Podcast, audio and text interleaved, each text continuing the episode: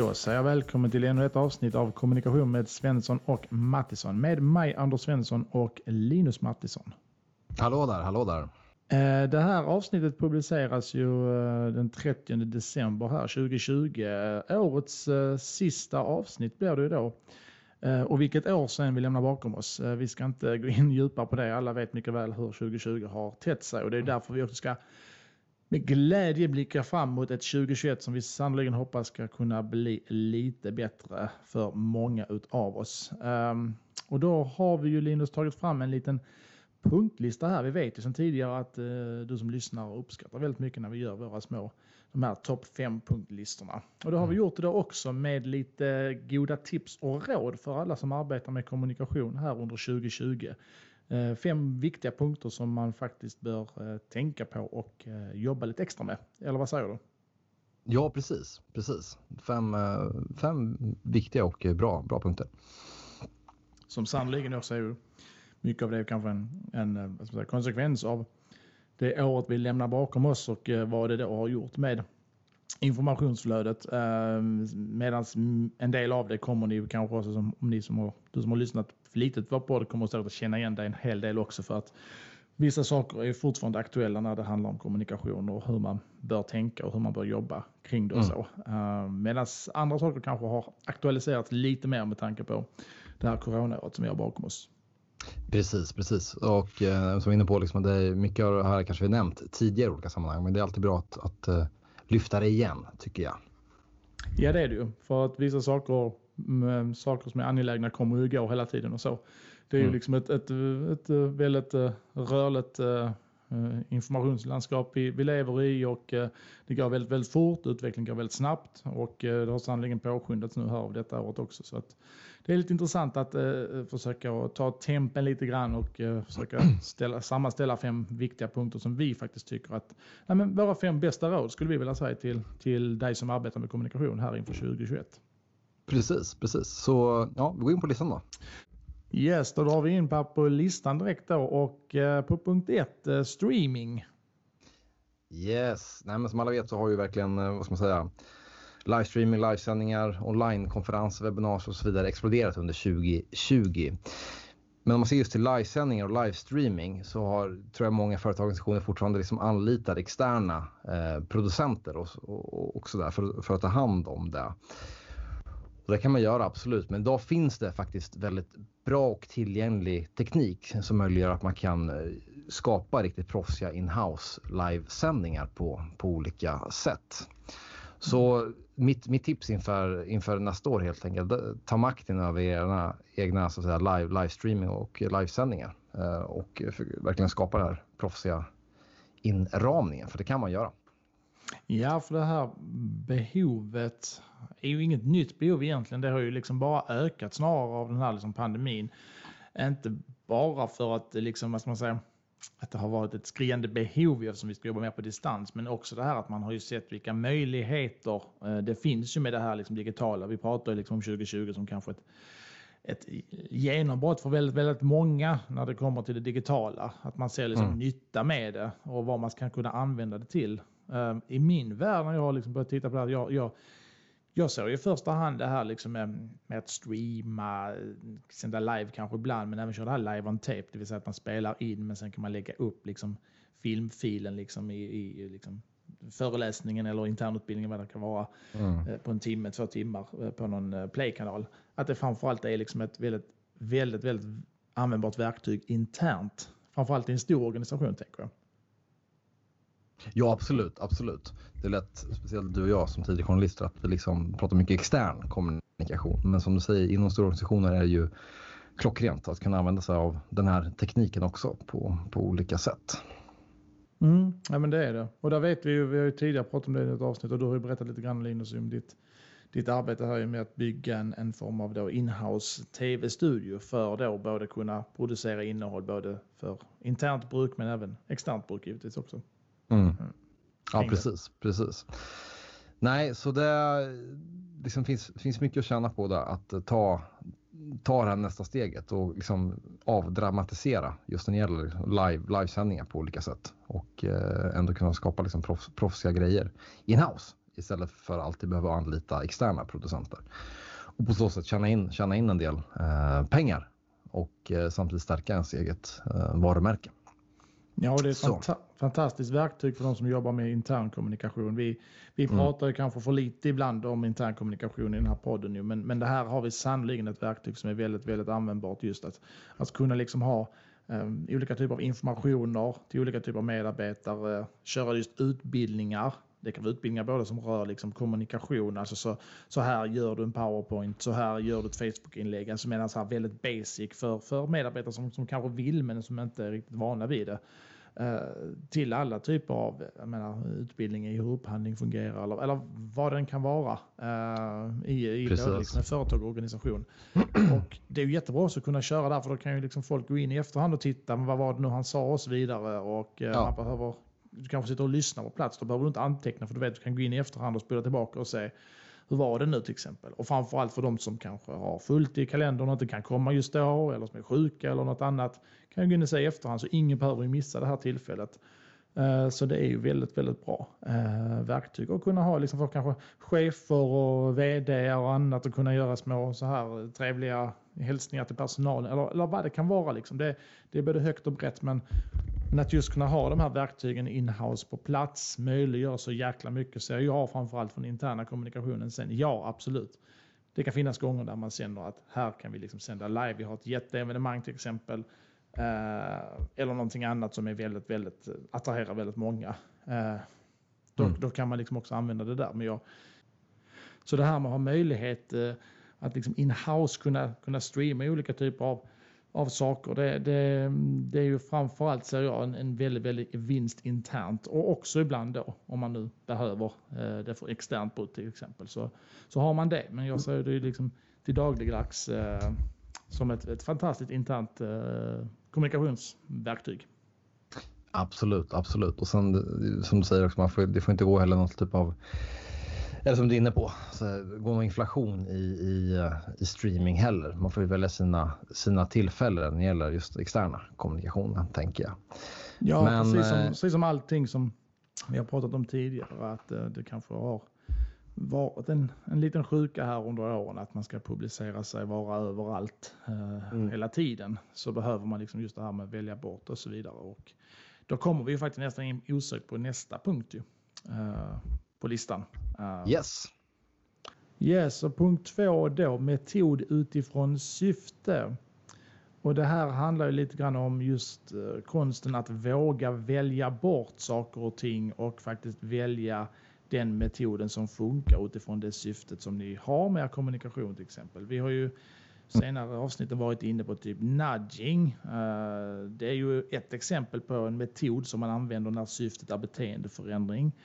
Ehm, och så vidare. Ehm, jag skulle säga att det värsta som, mång, som man kan göra och som många tyvärr fortfarande gör det är just det här att man, man springer på allting eh, överallt hela tiden och man försöker följa med varenda trend som kommer hela tiden. Och, eh, det är liksom ingen riktigt bra strategi för då har du liksom ingenting att, att vila mot någonstans. Och det är oftast just när, när en trend blir en trend som det är för sent och över. Eh, då är det snarare bättre att försöka vara den som skapar en trend istället och försöka hitta då egna framgångsrika sätt att kommunicera som man sen kan liksom dela med sig till omgivningen. Men det man alltid måste ställa sig frågan kring när man kommunicerar någonting, det är ju liksom vilka är det som ska lyssna på oss? Mm. Och var finns då de som ska lyssna på oss? Var hittar vi dem? Eh, vad är det vi har att berätta som kan intressera de här människorna då? Ja. Och det är ju inte den här obegripliga pdfen som, som eh, någon stadsarkitekt eller något annat tycker är jätteintressant. Eller det är inte en enkät om hållbarhet eller stadsplanering eller vad det nu kan vara. Eller något annat märkligt som en chef vill få ut någonstans bara för att. Liksom. Utan man måste hela tiden veta liksom att det jag ska kommunicera, hade jag liksom gått fram till en person med samma typ av innehåll på stan uh, och, och sen förväntat mig att den här personen skulle vilja prata vidare med mig mycket av det man fortfarande ser i många kanaler är sånt som nej, hade du gått fram med det till människor på stan så hade den personen bara vänt dig i ryggen och inte velat prata med dig. Och det är samma sak egentligen om du kommunicerar digitalt som att du gör det eh, in real life liksom med, med en person face to face. Det handlar liksom om att skapa relationer och bygga engagemang hela tiden. Och då kommer du också liksom att öka din synlighet i bröst hela tiden. För ju starkare relationer du bygger och ju trovärdigare du är, desto liksom högre säga, attentionsvärde får du. Uh, för att man ska komma ihåg, liksom, varje gång vi postar någonting eller publicerar någonting på, på vår hemsida, sociala medier eller vi sätter upp en affisch någonstans eller vad det nu än kan vara någonstans så gör vi ju alltid anspråk på människors dyrbara tid. Och då måste det liksom verkligen vara, det måste finnas liksom en edge bakom det. Ja, verkligen, verkligen. Och eh, det som du var inne på i början eh, här, det är ju liksom att, att man inte ska springa på alla bollar som, som, eh, som kommunikationsavdelning. Det, det, må, det, det för allt, det måste finnas en, en, en, eh, en trygghet och en, en mognad att, att inte göra det så att säga. Eh, alltså en kommunikationsstrategi absolut ska vara dynamisk. Men man får ändå liksom inte vara, det måste ändå finnas en liksom röd, röd linje i sin övergripande kommunikation. Mm, så, så det, jag, tror att, jag, tror, jag, tror att, jag tror framförallt att det är liksom en, alltså, som arbetsledare, eller kommunikationschef, så att säga, att man har den, eh, besitter den, den, den tryggheten så att säga och kan förmedla ut det till sina medarbetare. Ja, och just det här liksom att man vågar välja bort eh, kanaler. Att man, man kanske bara väljer en social medieplattform till exempel. Där man tror att den målgruppen som, vill, som vi ska prata med finns. Eh, eller att man kanske inte väljer, man väljer bort sociala medier överhuvudtaget till exempel för att, för att det inte var där vår målgrupp finns. Vår målgrupp når vi eh, genom att eh, skicka brev till exempel eller genom att fysiskt söka mm. upp dem där de finns eller vad det nu kan vara och så vidare. Precis, precis. Uh, det är det många Nej, men... felaktigt uppfattat också för att många ja. som har slut på idéer tror att sociala medier är svaret på allting när det inte är precis. så. Nej, nej. Sociala medier är bara liksom en av hur många metoder som helst man kan använda beroende på vilket syfte du har. Ja, verkligen. Och jag tror verkligen att från nu framöver, liksom här vi befinner oss och framöver, så tror jag liksom att ett gediget målgruppsarbete kommer bli så oerhört centralt för alla kommunikationsavdelningar. Alltså målgrupper, det är såklart alltid centralt så att säga, prata målgrupper, men det, nu mer än någonsin tidigare så är det alltså viktigt. Mm. Vi kommer komma in lite grann snuddar vi det här igen eh, lite senare i punkterna vi har ju så, så kommer det liksom. Ja, men, det, men så är det ju mycket med kommunikation. Det går in i varandra och så vidare. Ja. Men, men återigen, eh, väl liksom ha ett tydligt syfte med kommunikationen och när ni har identifierat det så liksom använd liksom den metoden för det syftet och så vidare.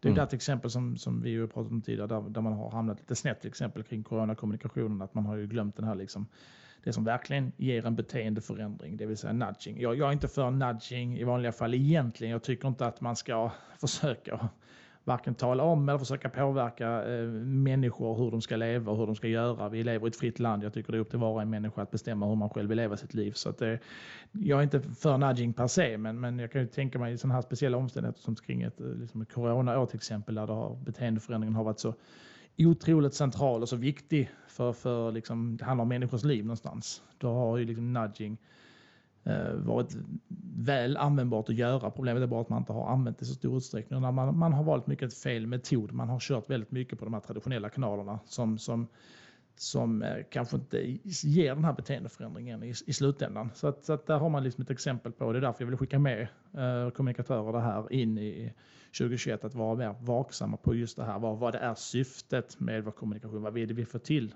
för någonstans? Är det en, en kännedom? Är det liksom ett engagemang för någonting? Uh, vill vi liksom bara skapa relationer med, med en viss typ av målgrupp? Eller vill vi få till en beteendeförändring till exempel och så vidare. Och sen mm. att man, man tänker utifrån det. Så man Precis. vet vad man gör. Då kör vi punkt tre. Upptäck YouTube. Upptäck Youtube på riktigt har vi skrivit här i vår lista. Nej men eh, som sagt, vi har ju tjatat mycket om Youtube tidigare men jag tycker det blir extra påtagligt nu när det kom den här rapporten Svenskarna och internet här för ett par veckor sedan bara där det framkom att Youtube är alltså vår, den populäraste eh, kanalen eh, bland alla svenskar att liksom, kommunicera. Eh, men att man också som, som just kommunikationsavdelning kan börja jobba mer aktivt med sin, sin eh, Youtube-kanal på, på olika sätt. Mm.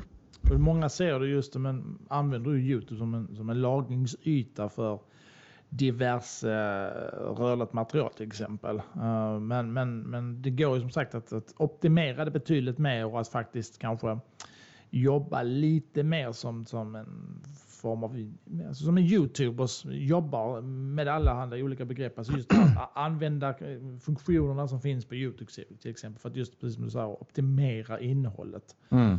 och att framförallt göra innehåll som, som passar väl till Youtube. Det fanns inte med i det här i årets undersökning eller 2020s undersökning av svenskar internet. Men 2019s undersökning fanns det ju med um, vad eh, användarna på Youtube gör och varför det är så extra intressant är ju just för att Youtube är den överlägset starkaste kanalen vi har. Och där visar det ju väldigt, väldigt tydligt att man, man söker ju liksom efter underhållning eh, eller så är det liksom efter informationsfilmer typ. Alltså instruktions och informationsfilmer någonstans. Man vill lära sig någonting och man vill bli underhållen. Eh, och eh, kan man liksom då bjuda på det i Youtube-kanalen så kan man ju ganska så snabbt också få ett ett, eh, skapa ett stort värde för en, för en målgrupp. För att det är ju verkligen så att alla är ju på Youtube. Så du, du, du, du kan ju verkligen, eh, oavsett egentligen vilken typ av målgrupp du har egentligen, så, ja. så är Youtube ett väldigt, väldigt användbart redskap om du verkligen kan liksom testa. Alltså det, det här handlar ju också mycket om att våga ta svängarna, våga testa, våga se vad som funkar och inte. Våga ge Youtube en chans skulle jag vilja säga.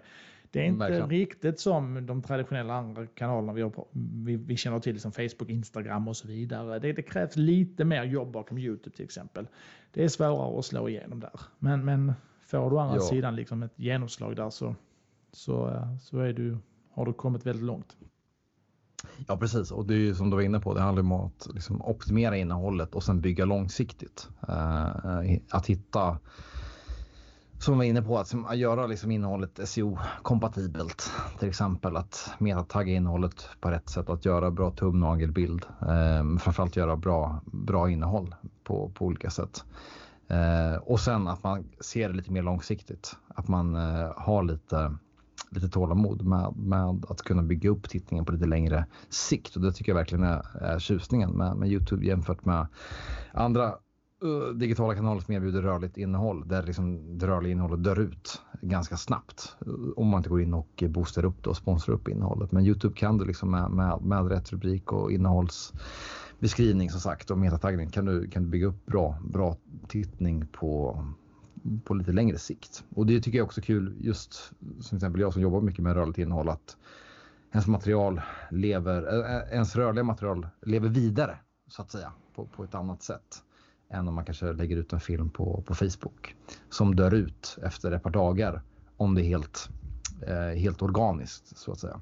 Ja, det är inte så lätt att söka upp gamla filmer eller på Facebook. Däremot är det jättelätt Nej. att göra på YouTube. Och framförallt när du Precis. Google söker så hamnar ju YouTube-träffar väldigt, väldigt högt. Och har du då liksom en, ett, ett innehåll som matchar vad, vad väldigt många söker på till exempel, eller som är väldigt household just där och då, så, så kan du få väldigt, väldigt ökad synlighet. Återigen, det, det handlar liksom om kvalitet och sen behöver du också bygga någon form av så kontinuitet. Alltså återigen att, eh, för att visst har du en YouTube-kanal och du producerar väldigt mycket innehåll, ja du kan ju få någon fullträff här och där till exempel. Men vill du liksom bygga upp en vad ska man säga, stabil tittning, en stabil prenumerationsskara till exempel och så vidare. Då gör, ja. du liksom jobbar väldigt alltså, på daglig och veckobasis hela tiden ja. med, med kanalen. Så är, så är det verkligen, verkligen. Hela tiden gå in och skruva på olika saker och testa och sådär. Så ja, vi ska gå vidare i listan. Men, eh, ja, men börja, kika, börja kika lite mer på era YouTube-kanaler. Om, om, eh, om, om rörligt innehåll är en viktig del för er kommunikation. Ja, det kan ju vara all idé liksom att kanske rikta bort strålkastarljuset lite grann för de här traditionella andra sociala mediekanalerna som vi har jobbat med ganska så, så länge här nu. Liksom framförallt tänker jag främst på Facebook och Instagram och börja liksom verkligen rikta strålkastarljuset mot, mot Youtube lite mer och eh, lägga lite, lite mer kärlek och omsorg kring det. Så mycket man nu har resurser och möjlighet till så är det ju vissa organisationer och företag och så har ju liksom inte, men, men att försöka fördela det klokt och försöka att liksom ge Youtube en ärlig chans i alla fall. Och återigen, kopplat till förra punkten som vi sa, liksom, syftet eh, kopplat till metod. Liksom. Det, det, Youtube kan vara helt fel för, för eh, andra medan det kan vara helt rätt för några. Och vissa har det kanske som en oupptäckt guldgruva till exempel. Men eh, det handlar om att testa och värdera. Verkligen. Så är det. Verkligen. Yes, ska vi hoppa vidare? Det gör vi. Och då är punkt nummer fyra tydliga strategier. Och vad menar du med det Anders? Ja, tydliga strategier skulle jag säga för hela organisationen. Oavsett om du arbetar på ett privat företag eller du arbetar i en offentlig verksamhet och så. så Ehm, det är ju det som man fortfarande ser att väldigt många företag och organisationer, det kan vara stora, det kan vara små, saknar fortfarande kommunikationsstrategier. Ehm, de här företagsorganisationerna, ja, de kan nå en tillfällig framgång till exempel genom att en, en, kompetent och duktig medarbetare blir anställd till exempel som kommer in och tillfälligt liksom Eh, lyfter kanalerna till, till eh, höjder som man aldrig har sett tidigare och så vidare. Men då är det återigen liksom, det, det är en persons verk någonstans. Så sen när den personen då antingen ger upp för att responsen internt är noll, eh, tappar motivationen, geisten eller, eller slutar och går till ett annat jobb så kraschar ju allt det som man har byggt upp till exempel och då kraschar ju också målgruppens förtroende för er. Det skadar liksom som ert företag och organisation till exempel. Och här behöver det liksom finnas eh, tydliga interna strategier för dels då hur man ska kommunicera, vad är det vi vill uppnå och så vidare och hur, ja. på vilket sätt gör vi det? Inte ja. minst viktigt i en stor organisation tänker jag. Där man har så otroligt många medarbetare. Jag menar, en offentlig verksamhet kan ju ha flera tiotusentals medarbetare till exempel. Och att få alla dem under samma paraply. Alltså när vi gör rörligt innehåll så gör vi det så här till exempel. När vi skriver någonting där och där så gör vi det så här. När vi lägger någonting på Facebook så är det det här typen av innehåll vi kommunicerar. Inte det där till exempel. Att få alla att få hålla in sig kring det.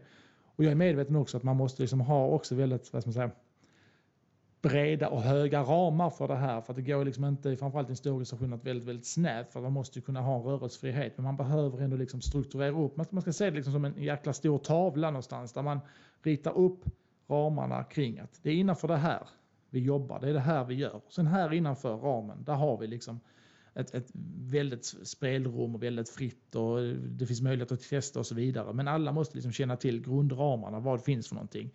Det behöver finnas liksom tydliga rutiner och riktlinjer på plats liksom, som alla är, eh, för, känner till och är förenliga med. Uh, inte minst nu också när det har kommit in liksom lag om, om tillgänglighet och så vidare. Då är det ännu viktigare till exempel att man inte har någon liten, någon liten ö i organisationen som sitter och publicerar jättemycket filmer som saknar undertexter till exempel eller vad det nu kan vara. Sånt händer fortfarande. Mm. Uh, så just det här att få liksom en, en samsyn kring kommunikationen. Och att uh, det handlar liksom om att skapa en kommunikativ mognad. Det tror jag vi har pratat om tidigare också någonstans. Att hela organisationen blir kommunikativt mogen. Eh, och där är det väldigt, väldigt viktigt för kommunikatören att vara så att säga budskapsspridaren, sprida kunskapen, förståelsen för kommunikation till exempel. Utbilda medarbetare och inte minst chefer framför allt. Och, ja. Ja, precis. Du var inne på det med, med att ha tydliga strategier. Men som du säger också att utbilda, alltså sprida, sprida kunskapen mm. in-house är supercentralt. För den säger att man kan få in de här skickliga medarbetarna i, i sin organisation. Liksom. Men sen som du säger, antingen tröttnar eller så drar de vidare. Liksom. Men låt den här personen kanske växa på olika sätt. Låt den få något typ av ansvar och sprida den här kunskapen vidare på, mm. på, på olika sätt. Och låt andra växa i sina yrkesroller på olika sätt. Som, så, jag tror de flest, allra flesta tycker det, det är kul så att säga. Och stärka upp alltså, kompetensen in-house. För det är liksom absolut bästa investeringen man kan göra. Eh, om, man, eh, om man jobbar med kommunikation oavsett om det är offentlig sektor eller om det är privat verksamhet. Ja, och där är inte tanken liksom att någon, någon skolchef eller någon annat eh, kommundirektör eller annat ska bli liksom en superkommunikatör. Det handlar liksom inte om det utan det handlar om att utbilda för att liksom öka just för förståelsen för kommunikation Dels ja. hur komplext och svårt det är, men, men, men också varför man, man gör på ett visst sätt. Varför kommunicerar vi ett visst typ av innehåll i just den här kanalen och inte det där till exempel och så vidare. Nu är vi tillbaka där till den här tråkiga pdfen som kanske chefen tycker är jätteviktig men som inte funkar i, i en viss kanal. Att, för då slipper du, sparar du, köper dig väldigt mycket tid till exempel. Om alla liksom har förståelse, då slipper du få de här tusen frågorna hela tiden. Och, och där vill jag också understryka att det är så jäkla viktigt att kommunikatören tar en större alltså, tar mer plats i organisationen, inte bara blir någon som utför en beställning. Utan kommunikatören måste ta plats i organisationen, måste ta i taktpinnen, berätta för alla hur viktigt det här är med kommunikation, utbilda, öka förståelsen hela tiden. Vi har tjatat om ledningsgrupper till exempel, att ja, kommunikatörer ska in med armbågarna på ledningsgruppen och vara med. Och jag ska säga att det är en definitionsfråga för att ja, om ledningsgruppen är strategisk, om man pratar om strategi, strategiska frågor, större övergripande saker, då är det jätteviktigt med kommunikation. Men vissa ledningsgrupper är ju mer eller mindre avrapporteringsmöten bara till en, till en, en VD eller till en, en kommundirektör eller vad det är. Det kanske inte är så givande för en kommunikatör att sitta med där. Men har man strategiska ledningsgrupper så ska man, skulle jag vilja säga, inte be om lov att få vara med, utan snarare berätta vad du som kommunikatör kan tillföra till den här gruppen. Uh, skulle jag vilja säga. Verkligen, verkligen. Skäms inte. Nej, gör inte det. Våga ta plats här och ja. liksom skapa den här kommunikativa mognaden hela tiden, tydliga strategier och så vidare. Ja, hela organisationen måste vara med på tåget, men det är mm. från kommunikationsavdelningen, från kommunikationschefen, från kommunikatören. Det här måste komma, för det kommer inte komma från någon annanstans. Utan där, där måste man verkligen liksom kika på det. Och det finns ju jag vet det finns ju jättebra sådana här undersökningar. Jag tror det är Mittuniversitetet eh, uppe i Östersund eller vad det är. Nu kommer jag inte ihåg vad det heter, man kanske kan googla på det. Men de har tagit fram en sån metod där man kan mäta sin eh, organisationens kommunikativa mognad. Alltså man kan göra det helt gratis tror jag med olika typer av bra verktyg som man har tagit fram via, via forskning och annat. Så det, det kan ju vara liksom ett, ett, bra första steg att göra till exempel. Eh, mm. För att just eh, få på pränt det. För det, det handlar liksom om att skapa en någonting som håller över tid och som inte är kopplat till en eller ett par väldigt, väldigt duktiga och drivna personer. För att då kommer det allting att bara krascha den dagen de söker sig bort därifrån. Eller den ja. dagen när de helt enkelt liksom bara ger upp och tröttnar. Uh, så att uh, det, det, ska liksom, det ska man komma ihåg. Yes, superviktigt. Ja, ska vi hoppa till, vidare till punkt fem då eller? Yes. Sista och punkten. tänk till med utropstecken har vi sagt. Tänk, ja, tänk till. Och det knyter an lite till punkt två, metod utifrån syfte. Nej, men jag ska hålla mig kortfattat. Eh, det var jag som uh, nämnde den här punkten inför vårt, uh, vårt samtal här nu så att säga. Och det handlar, jag, jag ser fortfarande att det produceras så oerhört mycket ointressant, generisk, tråkig kommunikation 20 20 och hoppas att det inte blir så 2021 helt enkelt. Mm. Jag skulle gärna vilja exemplifiera det här, men eh, jag vet inte. Eh, man, jag ska inte hänga ut några sådär. Men oavsett om det handlar om jättestora dyra produktioner eller om det handlar om eh, alltså, jätte, alltså, betydligt mindre produktioner så det produceras alldeles för mycket ointressant kommunikation där ute. Och jag vet inte riktigt varför det görs det. Om man är liksom om man har dålig känsla för innehåll eller om man liksom bara är, man är fega liksom. Eller om man är liksom som du var inne på förut, att man liksom inte har resonerat vad, vad är syftet med att vi, vi gör det här, gör det helt enkelt. Uh, jag, tror, jag tror det, man får ta med sig helt enkelt, man måste vara mycket mer selektiva med vad man, vad man väljer att producera helt enkelt.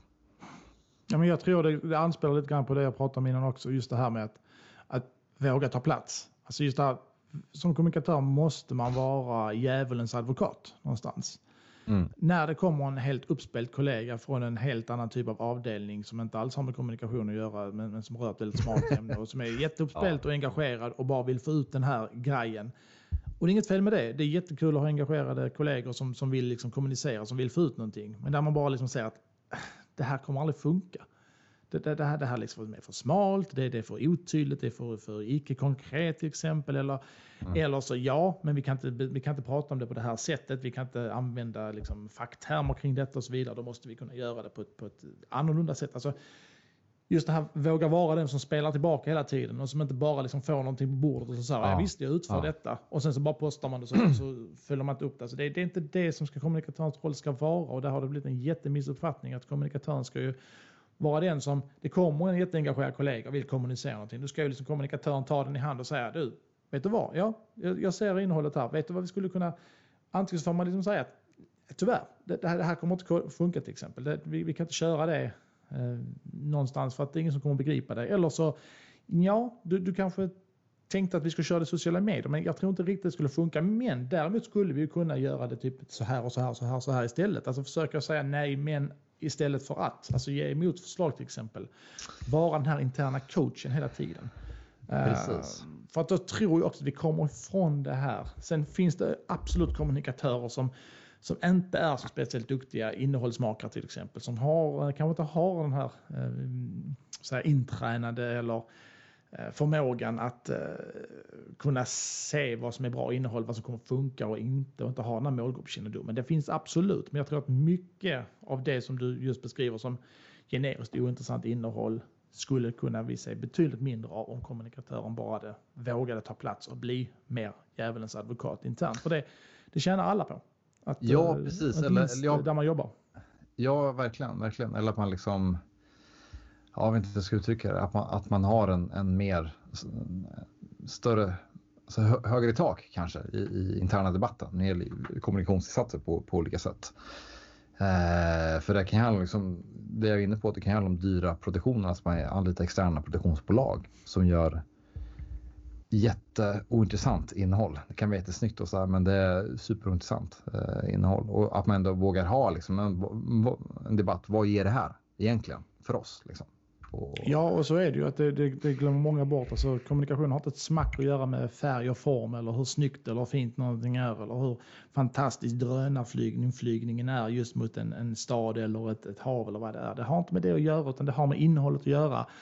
Känns det liksom äkta och genuint? Eh, tar du med följ, liksom de som tittar på dig in i någonting? Får de lära sig någonting? Alltså just det här jag pratar om underhållning och kunskap hela tiden. Skapar du ett värde för, för dina följare till exempel? Eh, mm. Bygger du trovärdighet? Bygger du relationer? Är du inkluderande och så vidare? Man ska ju inte glömma bort liksom att vi vi lever ju liksom i det här mitt i det här berömda paradigmskiftet som vi pratar om ju, där vi, där vi liksom sakta men säkert håller på att lämna kapitalismen bakom oss eh, för just det här man pratar om informalismen eller attentionalismen som många pratar om.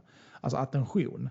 Och attention är ju uppmärksamhet multiplicerat med trovärdighet någonstans. Alltså man kan säga att om, om, om, ingen, om du har hög trovärdighet men ingen känner till dig så har du ingen attention. Och om alla känner till dig men ingen litar på vad du säger eller bara tycker att du är, du är, du är dum i huvudet någonstans så har du heller ingen attention någonstans. Utan det här handlar ju liksom om att just kombinationen av de två, uppmärksamhet multiplicerat med trovärdighet då har du attention. Och, och att bygga just liksom en, en trovärdighet, det tar tid, det är långsiktigt arbete hela tiden att göra det, idogt arbete. Återigen, vi kommer tillbaka till det här med strategier, tydligt syfte, tydliga metoder och så vidare. Eh, och då kommer man också sakta men säkert när man bygger den här relationen och trovärdigheten så kommer man också liksom att få fler och fler folk, man får få mer uppmärksamhet, man kommer synas betydligt mer. Men det är ett jättejobb bakom det hela tiden. Och man måste få med sig sin organisation också kring det. För att återigen, annars så blir man bara den här one man show hela tiden. Och eh, då kraschar det den dagen den personen lämnar. Så att, eh, jag skulle säga, tänk till. Men också igen, våga vara djävulens advokat. Um, Ja, precis. Det där är, jag tycker det är superintressant det där hur man liksom, det borde finnas en bra utbildning erbjudas där ute tänker jag med hur man eh, på ett snyggt sätt avvisar förslag. Så här ska du... Ja, diplomat, diplomatiskt sätt avvisa förslag.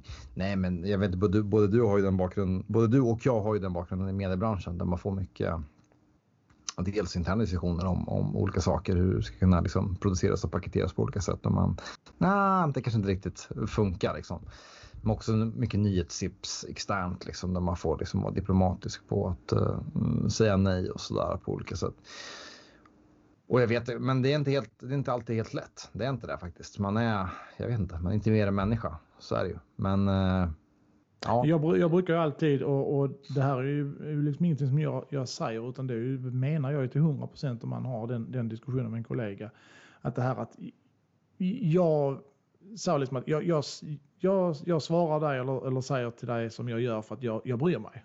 Eh, jag vill att det här ska bli bra. Jag vill mm. att du ska få full effekt på, på det du vill kommunicera. Jag vill att du ska göra på rätt sätt. Det här omtanke av, om, om dig och, mm. och av respekt för det ni håller på med som är viktigt. Alltså, det är så man måste kunna lägga upp det. Och det, och det är sant också, för att det, det vet jag själv att jag har tagit många sådana diskussioner till exempel. Och när man märker att man, ja, det, det, det, blir snarare irritation snarare än en förståelse för det jag säger så brukar jag liksom alltid få, få in den grejen att du tror liksom inte att jag sitter och säger de här sakerna bara för att jag vill vara elak på något sätt eller för att jag bara tycker det är roligt att, att liksom refusera, alltså säga nej till det du kommer med. Utan det här handlar återigen om omtanke och om respekt för, ja. för det ni gör. För att det ska bli så bra som möjligt. Du kommer till mig och frågar efter min expertkunskap. Jag vore ju tjänstefel av mig om jag inte använder min kunskap till att säga någonting. Om jag, mm. om jag bara skulle mm. bara sitta och säga ja till någonting som jag inte tror på. Nej. Men då begår du tjänstefel. Alltså, ja, sant. Nej men du, Ja, vi ska inte, vi ska inte gräva ner oss, men det här borde vara ett tips som man skulle kunna liksom helt, tänka. Helt avsnitt om egentligen. Ja, det, absolut. Det är det. Det får, vi, och, det får vi verkligen spela in 2021. Antingen att du och jag bara kör eller hittar vi någon spännande gäst som kan fylla i. Ja, vi skulle väl kunna skräddarsy en sån här utbildning också, tänker jag. Ja, absolut. absolut. så här säger du nej på ett fint sätt. Eller ja, så, här, så här är du en trevlig djävulens advokat eller något annat. Ja. Men, äh, nej, men liksom, vill jag då flika in lite, lite bra tips kring hur man kan tänkas, äh, tänka kring detta och så vidare. Och det är just det här som det, det här avsnittet har handlat om. Ju. Lite bra tips till kommunikatörerna att ta med sig här under 2021 som vi ju inte har en aning om vad det kommer att bjuda på. Det kommer att bjuda på en hel del corona det här året också, det kan vi väl slå fast nu också. Men, men hur pass mycket och hur länge, det, det vet vi ingenting om. Vi kan bara hoppas att 2021 blir, blir bättre för uh, alla av oss. Än vad verkligen, 2021 har upp, eller, vad 20, efter, eller vad, utifrån vad 2020 har upplevt av väldigt många. Precis, uh, precis. verkligen. Ja, Ja, men det är gött och uh, vi ska ju som vanligt då eh, innan vi avrundar tipsa om att vi uh, finns på Facebook. Uh, sök på kommunikation med Svensson och Mattsson och följ oss där om du vill få våra senaste avsnitt i ditt flöde eller kunna interagera med oss och skriva till oss. Och det går givetvis också bra att mejla oss, svenssonmattisson.hotmail.com. Vi blir jätteglada för alla mejl vi får. Um, med det så ska vi väl avrunda det här året 2020 sista poddavsnitt då. Ja. Uh, och önska dig som lyssnar ett riktigt gott nytt år. Uh, så hörs vi igen om onsdag om två veckor. Vi kommer in en liten bit här i januari med ett nytt avsnitt. Yes, yes. Ta hand om er ute så syns vi nästa år. Eller vi, vi hörs nästa år. Det gör vi. Ja, ha det bra. Hej då.